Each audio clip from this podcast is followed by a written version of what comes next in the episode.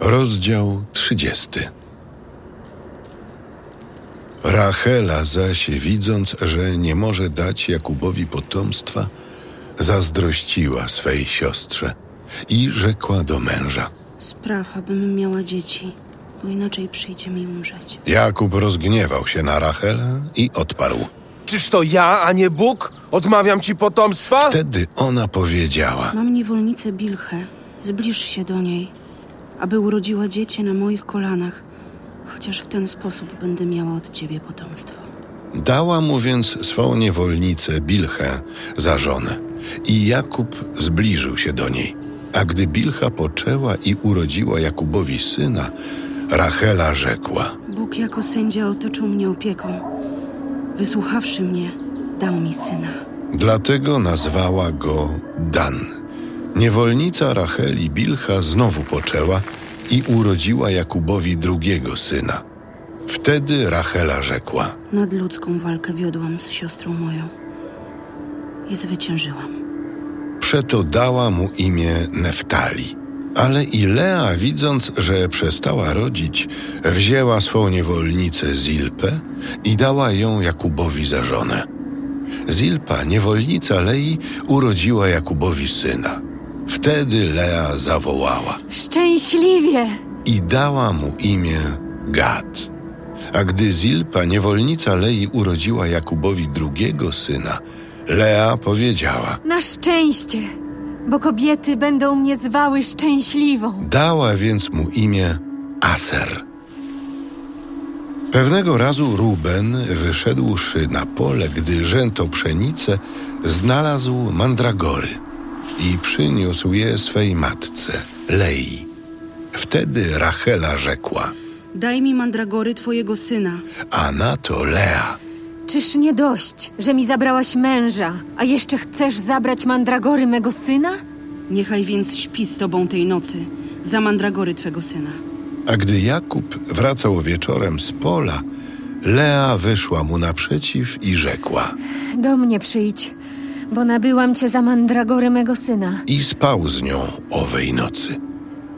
Bóg zaś spełnił pragnienie Lei. Poczęła i urodziła Jakubowi piątego syna. I mówiła, Dał mi Bóg nagrodę za to, że oddałam swoją niewolnicę mężowi. nazwała więc go Issachar. A gdy Lea znów poczęła i urodziła szóstego syna Jakubowi, rzekła, Obdarował mnie Bóg wspaniałym darem. Teraz będę już miała pierwszeństwo u mego męża, gdyż urodziłam mu sześciu synów. Dała więc synowi imię Zabulon. Wreszcie urodziła i córkę, którą nazwała Dina. A Bóg zlitował się i nad Rachelą. Wysłuchał ją Bóg i otworzył jej łono. Gdy więc poczęła i urodziła syna, rzekła, Zdjął Bóg ze mnie hańbę. dając mu zaś imię Józef, westchnęła. Oby Pan dodał mi jeszcze drugiego syna. Gdy Rachela urodziła Józefa, Jakub rzekł do Labana. Zwolnij mnie, abym mógł wrócić do kraju, w którym mieszkałem. Daj mi moje żony, za które ci służyłem, oraz dzieci, a odejdę. Wiesz dobrze, jak ci służyłem. Obyś mnie darzył życzliwością. Odgadłem bowiem, że Pan błogosławi mi dzięki Tobie. Ustal mi Twoją zapłatę, a ja Ci ją dam. Ty sam wiesz, jak ci służyłem i jaki jest twój dobytek dzięki mnie. Miałeś bowiem niewielki majątek, zanim przyszedłem. Odkąd zaś tu jestem, pomnożył się on bardzo i Pan ci błogosławi w ślad za mną. Jednak teraz muszę się zatroszczyć i o moją rodzinę. Cóż więc mam Ci dać? Nic mi nie dasz. Uczyń mi tylko to, co ci powiem, a będę nadal pasł twe stada i będę się nimi opiekował. A więc obejdę dzisiaj wszystkie twe stada. Oddzielę z nich wszystkie jagnięta cętkowane, pstre i czarne spośród owiec oraz koźlęta, pstre i cętkowane spośród kus. Niech one będą moją zapłatą. Po pewnym czasie przemówi za mną moja uczciwość. Gdy bowiem przyjdziesz, aby obejrzeć to, co będzie mi się należało jako zapłata, wszystkie kozy, które nie będą cętkowane ani pstre oraz owce, które nie będą czarne, możesz uważać za skradzione przeze mnie. Dobrze, niechaj będzie tak, jak mówisz. Ale jeszcze tego samego dnia Laban oddzielił wszystkie kozły centkowane i pstre oraz wszystkie kozy centkowane i pstre. Wszystkie, które miały cośkolwiek sierści białej oraz owce czarne i dał je swym synom.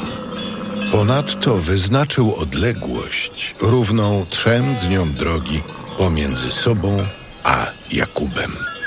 A Jakub pasł pozostałe owce Labana. Jakub nazbierał sobie świeżych gałązek topoli, drzewa migdałowego i platanu i pozdzierał z nich korę w taki sposób, że ukazały się na nich białe prążki.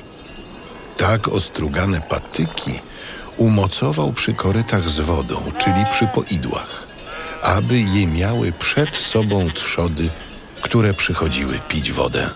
Gdy bowiem zwierzęta przychodziły pić wodę, parzyły się. I tak parzyły się zwierzęta z trzód przed tymi patykami i wskutek tego dawały przychówek o sierści prążkowanej, pstrej i centkowanej.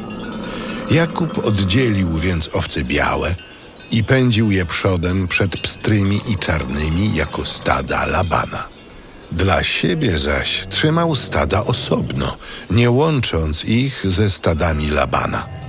A przy tym Jakub umieszczał owe ponacinane patyki na widocznym miejscu przy poidłach tylko wtedy, gdy miały się parzyć sztuki mocne. Gdy zaś owce były słabe, patyków nie kładł. W ten sposób sztuki słabe miały się dostać Labanowi, a mocne Jakubowi. Tak to stał się Jakub człowiekiem bardzo zamożnym. Miał bowiem liczne trzody, a ponadto niewolnice, sługi, wielbłądy i osły.